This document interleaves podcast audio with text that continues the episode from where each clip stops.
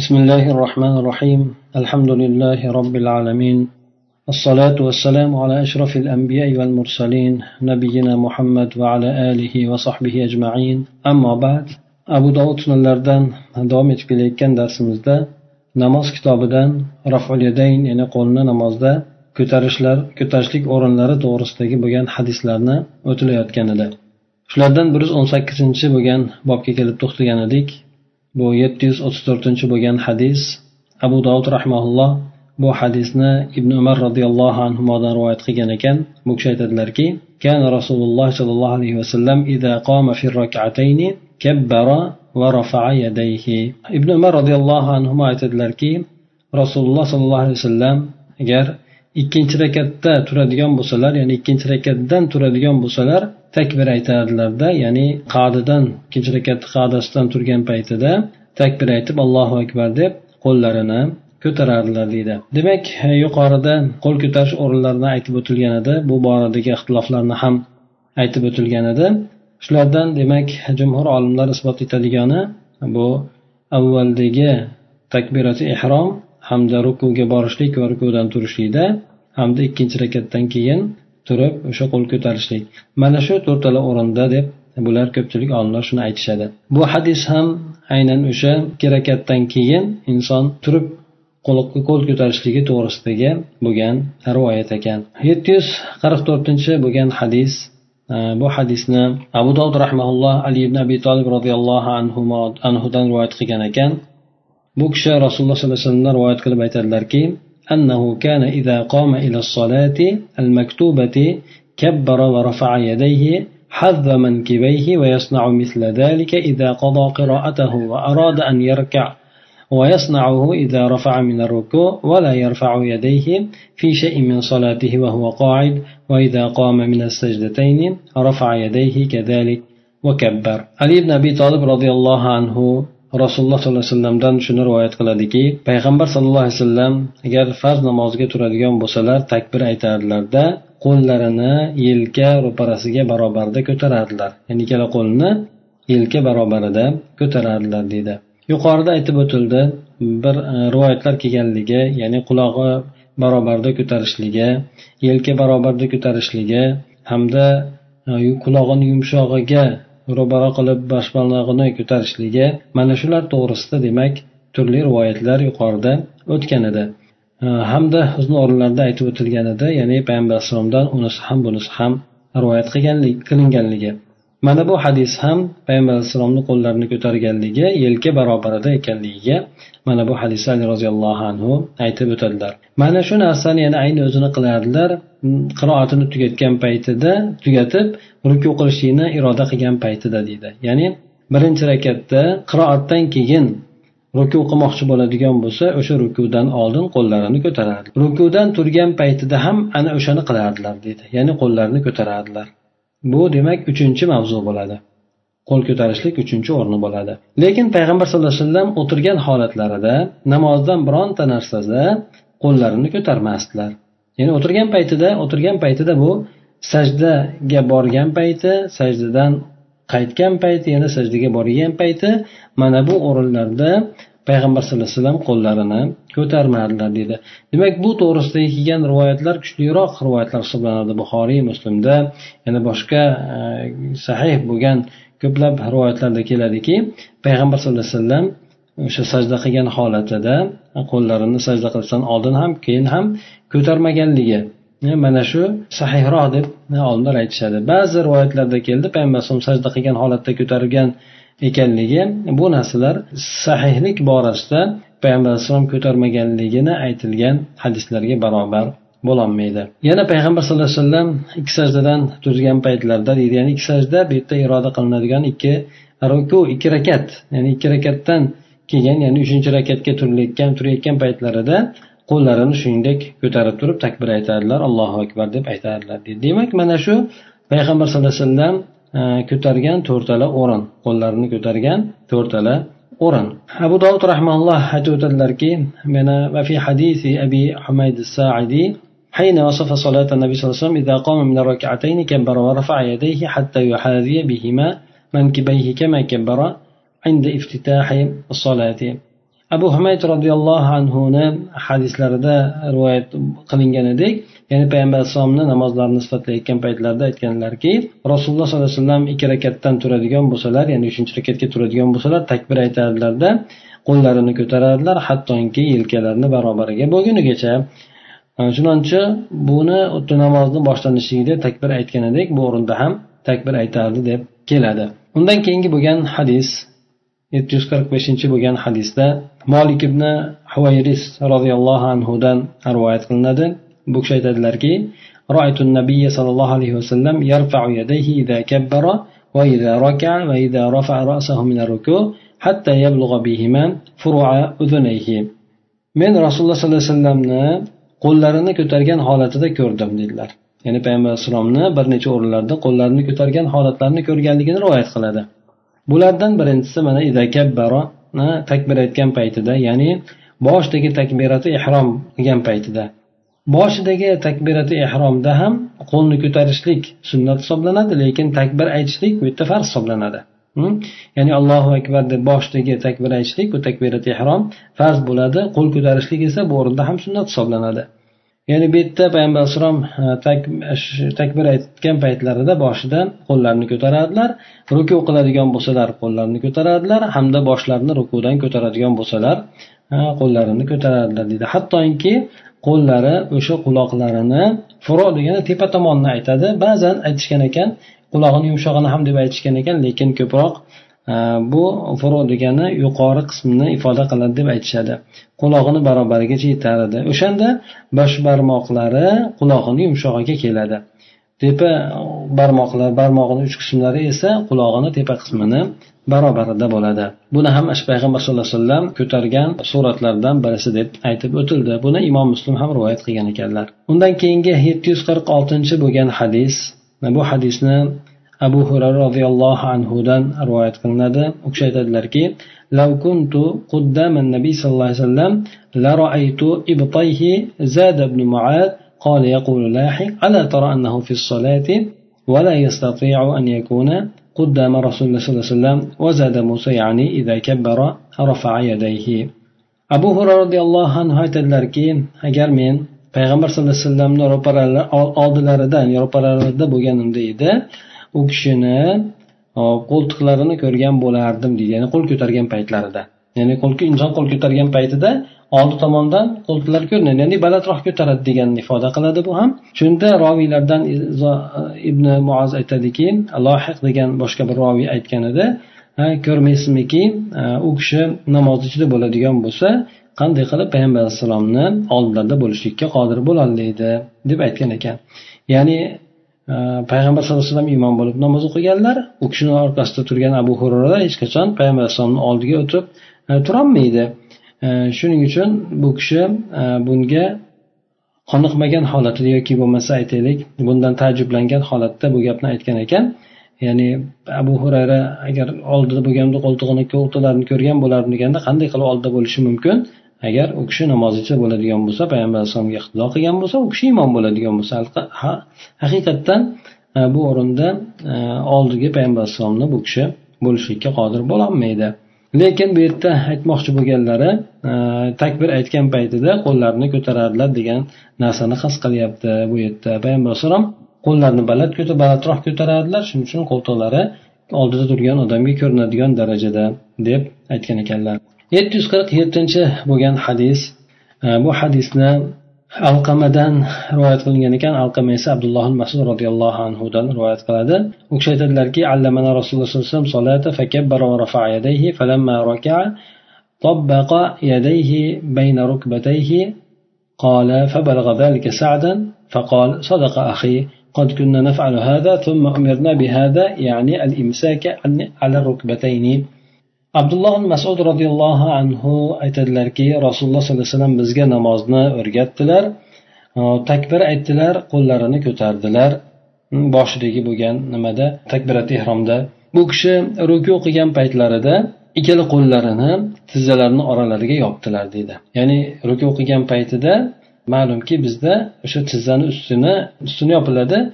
Tizzani o'rtasiga ikkala tizzasini o'rtasiga yopdi deb kelyapti endi bu yerda. Ya'ni ikkalasini o'rtasiga qo'yganligini tizza har bittasi bittasini tizzasini ustiga emas o'ng qo'li o'ng tizzasiga chap qo'l chap qo'lini tizzasini ustiga emas balki ikkala qo'lni o'sha ikki tizzasini o'rtasiga yopganligini bu yerda aytayotganda shu gap sad ibn abi vaqas roziyallohu anhuga yetib qolgan paytida aytgan ekanlarki birodarim to'g'ri aytibdi. Bu narsani avval qilar edik biz hm, so'ng biz o'sha paytda buyurilgan edik. Hm, so'ng bunga buyurildik. Avval o'sha narsani qilardik so'ng esa bunga buyurildik. Ya'ni ikkala tizzani mahkam ushlab turishlikka buyurdik. Ya'ni ruku qilgan paytda tizzani ko'zini inson e, qo'llarini ochgan holatda o'shani mahkam suyanib ushlab turadi. Ana o'sha narsaga keyin buyurildik. Avval esa o'sha qo'llarimiz bilan ikki tizzamizni o'rtasini yopib turardik degan gapni bu kishi aytgan ekanlar. Demak e, bunda bu hadisni keltirishligidan o'sha takbir aytgan paytda qo'lni ko'tarishlik to'g'risida kelyapti. Lekin bu yerda ba'zi olimlar aytadiki abdulloh masud roziyallohu anhu bu o'rinda o'sha bu kishi qilayotgan narsasi mansux ekanligini hamda payg'ambar alayhisalom boshqa e, ya'ni tizza har bitta qo'lda tizzani ushlab turishlik yozib qo'lni yozib ushlab turishlik mana shunga buyurilganligini bu kishi unutib qo'ygandek e, deb e, sad ibn abi vaqas roziyallohu anhu aytib o'tyaptilar. Bir yuz o'n to'qqizinchi bo'lgan bob. Bunda aytadiki ya'ni ruku paytida qo'lni ko'tarishlikni zikr qilmaydigan roviylar yoki olimlar sahobalar borasida kelgan hadislar ekan. Ya'ni aytib o'tdik takbiroti ehromdan boshqa o'rinlarda qo'l ko'tarishlik borasida olimlarni ixtilofi bor edi. Shundan ko'pchilik olimlar qo'l ko'tariladi deydi ba'zi olimlar qo'l ko'tarilmaydi deydi. Ularni ham bularni ham o'ziga yarasha dalillari bor. Lekin qo'l ko'tarishlik e, ni aytmagan qo'l ko'tarilmaydi takbirati ihromdan boshqa o'rinda qo'l ko'tarilmaydi deb aytgan e, olimlarni sahobalarni dalillari qo'l ko'tarishlikka aytgan olimlarni dalillaridan anchagina zaifroq ekan.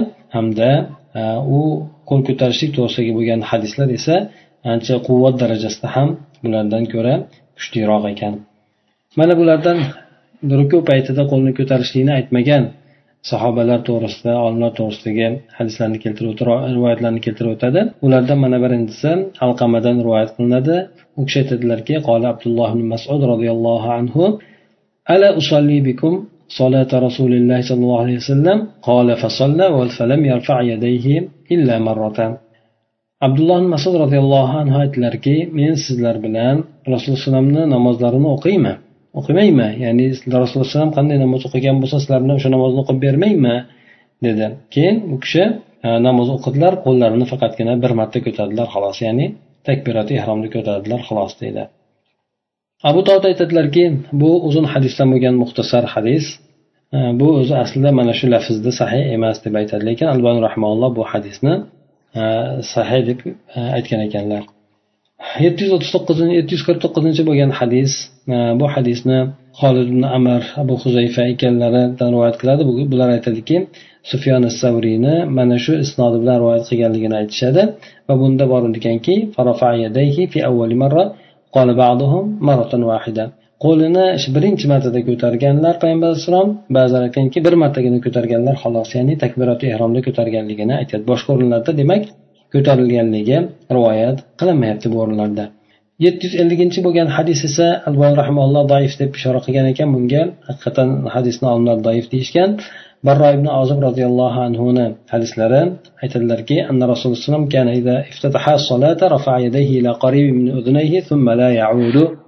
rasululloh sollallohu alayhi vasallam namozni boshlaydigan bo'lsalar ya'ni takbirat ehromga kirishadigan bo'lsalar bunda qo'llarini quloqlariga yaqingacha ko'tarardilar so'ng uni qaytarmasdilar ya'ni qaytib boshqa o'rinda ko'tarmasdilar deb keltiradi. Bu doif ekan. Yuqoridagi bo'lgan abdulloh masud roziyallohu anhuni ham ba'zi olimlar sahiy deyishgan ekan mana bulardan imom termiziy aytgan ekan ibn hazm aytgan ekan lekin ko'pchilik olimlar yuqoridagi abdulloh masud roziyallohu anhuni hadislarini e, sahiy deb aytishmagan ekan. Bulardan imom ahmad bo'lsin u kishini ustozlari yana imom buxoriy boshqa boshqalar demak bu hadisni e, sahiy deb aytishmagan ekan abdulloh masud roziyallohu anhuni hadislarini.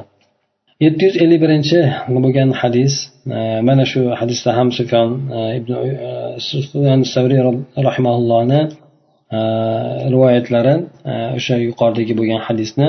Bunda deb aytilmagan ekan ya'ni payg'ambar alayhissalom keyin uni qaytarmasdi qo'llarini qaytarmaganlar deb aytmagan ekan. Bu bir marta ko'targan boshqa ko'tarmagan degani. Yana boshqa nimasida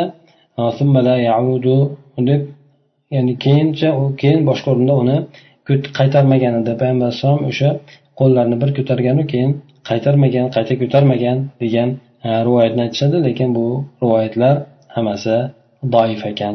Ba'zilar esa deganni zikr qilishmagan ekan. Demak yuqoridagi abdulloh masud roziyallohu anhuni rivoyatlarini qilganda lekin o'sha qo'llariga yaqingacha ko'tardilar deb qo'ygan ekan xolos keyin qaytarmadilar degan gapni rivoyat qilishmagan ekan. Yetti yuz ellik ikkinchi bo'lgan hadis ham bu barro ibn ozib roziyallohu anhudan rivoyat qilinadi. U kishi aytadilarki rasululloh sollallohu alayhi vasallam payg'ambar sallallohu alayhi vasallamni ikkala qo'llarini ko'targan holatda ko'rdim. Namozni boshlagan paytlarida namozga kirishgan paytlarida ya'ni takbirat ehromda qo'llarini ko'targanlar. So'ng qo'llarini to namozdan burilib ketgunigacha ya'ni salom berib tugatgunigacha ko'tarmaganlar deb aytib o'tyapti. abu dovud aytgan ekanlar bu hadis laysa bi sahih ya'ni sahih emas alboniy ham buni doif deb aytib o'tgan ekanlar undan keyingi yetti yuz ellik uchinchi bo'lgan hadis bu hadis sahiy deb ishora qilingan abu roziyallohu anhudan rivoyat qilinadi u kishi aytadilarki كان رسول الله صلى الله عليه وسلم إذا دخل في الصلاة رفع يديه مدان rasululloh sollallohu alayhi vasallam namozga kiradigan bo'lsalar qo'llarini uzun qilib cho'zardilar ya'ni uzun qilib cho'zadilar degani qisqa qilib emas ya'ni uzun qilib quloqlariga barobarda qilib ya'ni e, cho'zadilar degan mazmunda ifoda qiladi. Bir yuz yigirmanchi bo'lgan bobda esa bu bobda abu dovud rahmaulloh aytadilarki o'ng qo'lni chap qo'l ustiga qo'yishlik namozga turgan paytda quloq qoqqandan keyin o'ng qo'lni chap qo'lni ustiga qo'yishlik to'g'risidagi bo'lgan hadislar rivoyat qilinar ekan bu bobda. Lekin mana yetti yuz ellik to'rtinchi bo'lgan hadis E, bu hadis zaif deb aytilgan. Bu hadisni ibn zubayr abdulloh ibn zubayr e, roziyallohu anhudan rivoyat qilinadi. Bu kishidan esa zurat ibn abdurahmon rivoyat qilib aytadiki men abdulloh ibn zubayrni shunday deb aytayotganligini eshitganman. Qadamlarni tekizlab safga saf qilib tuzishlik oyoqlarni saf qilib tekis qilib tuzishlik va qo'lni qo'lni ustiga qo'yishlik bu sunnatdandir deb bundagi matn emas allohu alam e, sanat e, zaif bo'lsa kerak chunki matn shu qo'lni qo'lni ustiga qo'yishlik hamda saf qadamlarni tekis qilib turishlik bu narsa albatta sunnatdandir undan keyingi yetti yuz ellik beshinchi bo'lgan hadis esa abdulloh masud roziyallohu anhudan rivoyat qilinadi bu kishi annahu kan yusalli فوضع يده اليسرى على اليمنى فرآه النبي صلى الله عليه وسلم فوضع يده اليمنى على اليسرى abdulloh masud roziyallohu anhu chap qo'lni o'ng qo'lni ustlariga qo'yar ekanlar biz qilayotganni aksini qilar ekanlar shunda payg'ambar alayhissalom ko'rib qoldilarda u kishini o'ng qo'lni chap qo'lni ustiga almashtirib qo'yib qo'ydilar. O'ng qo'lni chap qo'lni ustiga qo'yishlik demak mana shu jihatdan ham sunnatdir. Yetti yuz ellik oltinchi bo'lgan hadis esa abu juhayfadan rivoyat qilinadi. U kishi aytadilarki anna aliyan roziyallohu anhu قال السنة وضع الكف على الكف في الصلاة تحت السرة kafni kaft ustiga namoz ichida qo'yishlik ya'ni surra ya'ni kindikni ostiga qilib qo'yishlik bu narsa sunnat deb aytgan ekan lekin buni albon rahmaulloh doif degan ekan olimlar ham buni doif deb aytishgan ya'ni kindikni pastiga qilib qo'lni qo'l o'ng qo'lni chap qo'lni ustiga qo'yib qo'yishlikni buni sunnat degan lekin doifdir yetti yuz ellik yettinchi bo'lgan hadisda esa ibn jarir dobbiydan u kishi otasidan rivoyat qiladi. Aytadilarki roaytu aliyan roziyallohu anhu yumsiku shimalahu biyaminihi ala rusg'i favqa surrati. Men ali roziyallohu anhuni chap qo'lini o'ng qo'li bilan rusug'iga rusug' degani bilakdan kafni ajratib turadigan suyak bo'rtib chiqqan suyak uni shu rusug' deyiladi. Ya'ni qo'lni ajralishlik qo'l bilan bilakni ajralishlik o'rnida bo'lgan suvak o'shani rusug' deb aytiladi. Chap qo'lni o'ng qo'li bilan o'sha rusug'ini ustidan ushardi. Bu narsa esa kindigini tepa qismida bo'lardi deb keladi. Bu ham zaifdir kindigini pastida bo'lishligi ham zoif kelgan kindigini ustida bo'lishligi ham mana bu yerda demak zaif deb kelyapti. Lekin nisbatan olib ko'radigan bo'lsa kindik ostida bo'lishligi zaifligi sal kuchliroq kindik tepasida bo'lishligi esa zaifligi yengilroq deb olimlar aytishadi. Yetti yuz ellik yettinchi ellik sakkizinchi bo'lgan hadis esa abu roziyallohu anhudan rivoyat qilinadi. U kishi aytdilarki alal akuffi fi solati tahta surrati kaflarni namozda kaflarni ustida qilib ushlashlik kindigini ostida qilib deb aytgan ekan. Buni mana albani rahmaulloh zaif deb aytgan. Bu demak kindigini ostida bo'lishligi bu zaif deb keltirilgan ekan. abu dovud rahmaulloh aytadilarki samiatu ahmad ibn hambal yudaifu abdurahmon ibn ishoq al kufiy yani roviylardan birisi bo'lgan abdurahmon ishoq al kufiyda imom ahmad zaif deb sanagan ekanlar bu kishi undan keyingi hadis tovusdan rivoyat qilinadi u kishi aytadilarki rasululloh يده اليمنى على يده يده اليسرى ثم يشد بهما على صدره وهو في الصلاة رسول الله صلى الله عليه وسلم o'ng qo'llarini chap qo'llarini ustiga qo'yadilar so'ng undan keyin o'sha ikkalasini ko'kragiga mahkam bo'lib qadardilar namozda bo'lib turgan holatlarda. O'ng qo'lni chap qo'liga ushlab turib ko'kragiga bunday bosib turib mahkam qilib ushlardilar deydi. Bu rivoyat sahih ekan. Hop ko'kragiga urishligi demak ko'krak yuqori qismiga emas pastroq qismiga bo'ladi bu kindikni tepa qismi bo'ladi. Mana shu rivoyat jihatdan nisbatan narigilardan ko'ra kuchliroq hamda ba'zi olimlarni ixtilofiga qaramasdan demak bu hadisni albani rahimaulloh sahiy deb keltirgan ekan. Kindik tepasiga qo'lni qo'yishlik bo'ladigan bo'lsa o'zi aslida bu amal sunnat hisoblanadi. Endi kindikni ostiga qo'yiladimi tepasiga qo'yiladimi desa hanafiy mazhabida kindik ostiga qo'yiladi bu tavozuga insonni dalolatliroq deydi. Boshqalar desa kindikni tepa tomoniga qo'yiladi. Chunki bu rivoyatga nisbatan u rivoyatlardan e, kundagi pastga qo'shilgan rivoyatdan ko'ra sahiyroq deb keltiradi. Ana o'sha e, jihatidan qo'lni o'ng qo'lni chap qo'lni ustiga qo'ygan holatda kindigini tepasiga qilib qo'yishligi bu narsa rivoyat jihatidan to'g'riroq bo'lar ekan hamda kuchliroq sog'lom sahiyroq bo'lar ekan. Endi kindigini ostiga qo'yishlik esa hanafiy mazhabiga ko'ra to'g'ri bo'ladi lekin e, rivoyat jihatidan esa bu doif bo'lar ekan umumiy suratda inson kindigini ostiga qo'ysa ham kindigini ustiga qo'ysa ham namozi durust bo'lishligi durust bo'laveradi lekin dalili kuchliroq sog'lomroq bo'lgan tomonni izlayotgan odam kindigini tepa qismirog'iga qo'yishligi mana shu narsa uning uchun yaxshiroq bo'lar ekan سبحانك اللهم وبحمدك نشهد أن لا إله إلا أنت نستغفرك ونتوب إليك اللهم انفعنا بما علمتنا وعلمنا ما ينفعنا وزدنا علما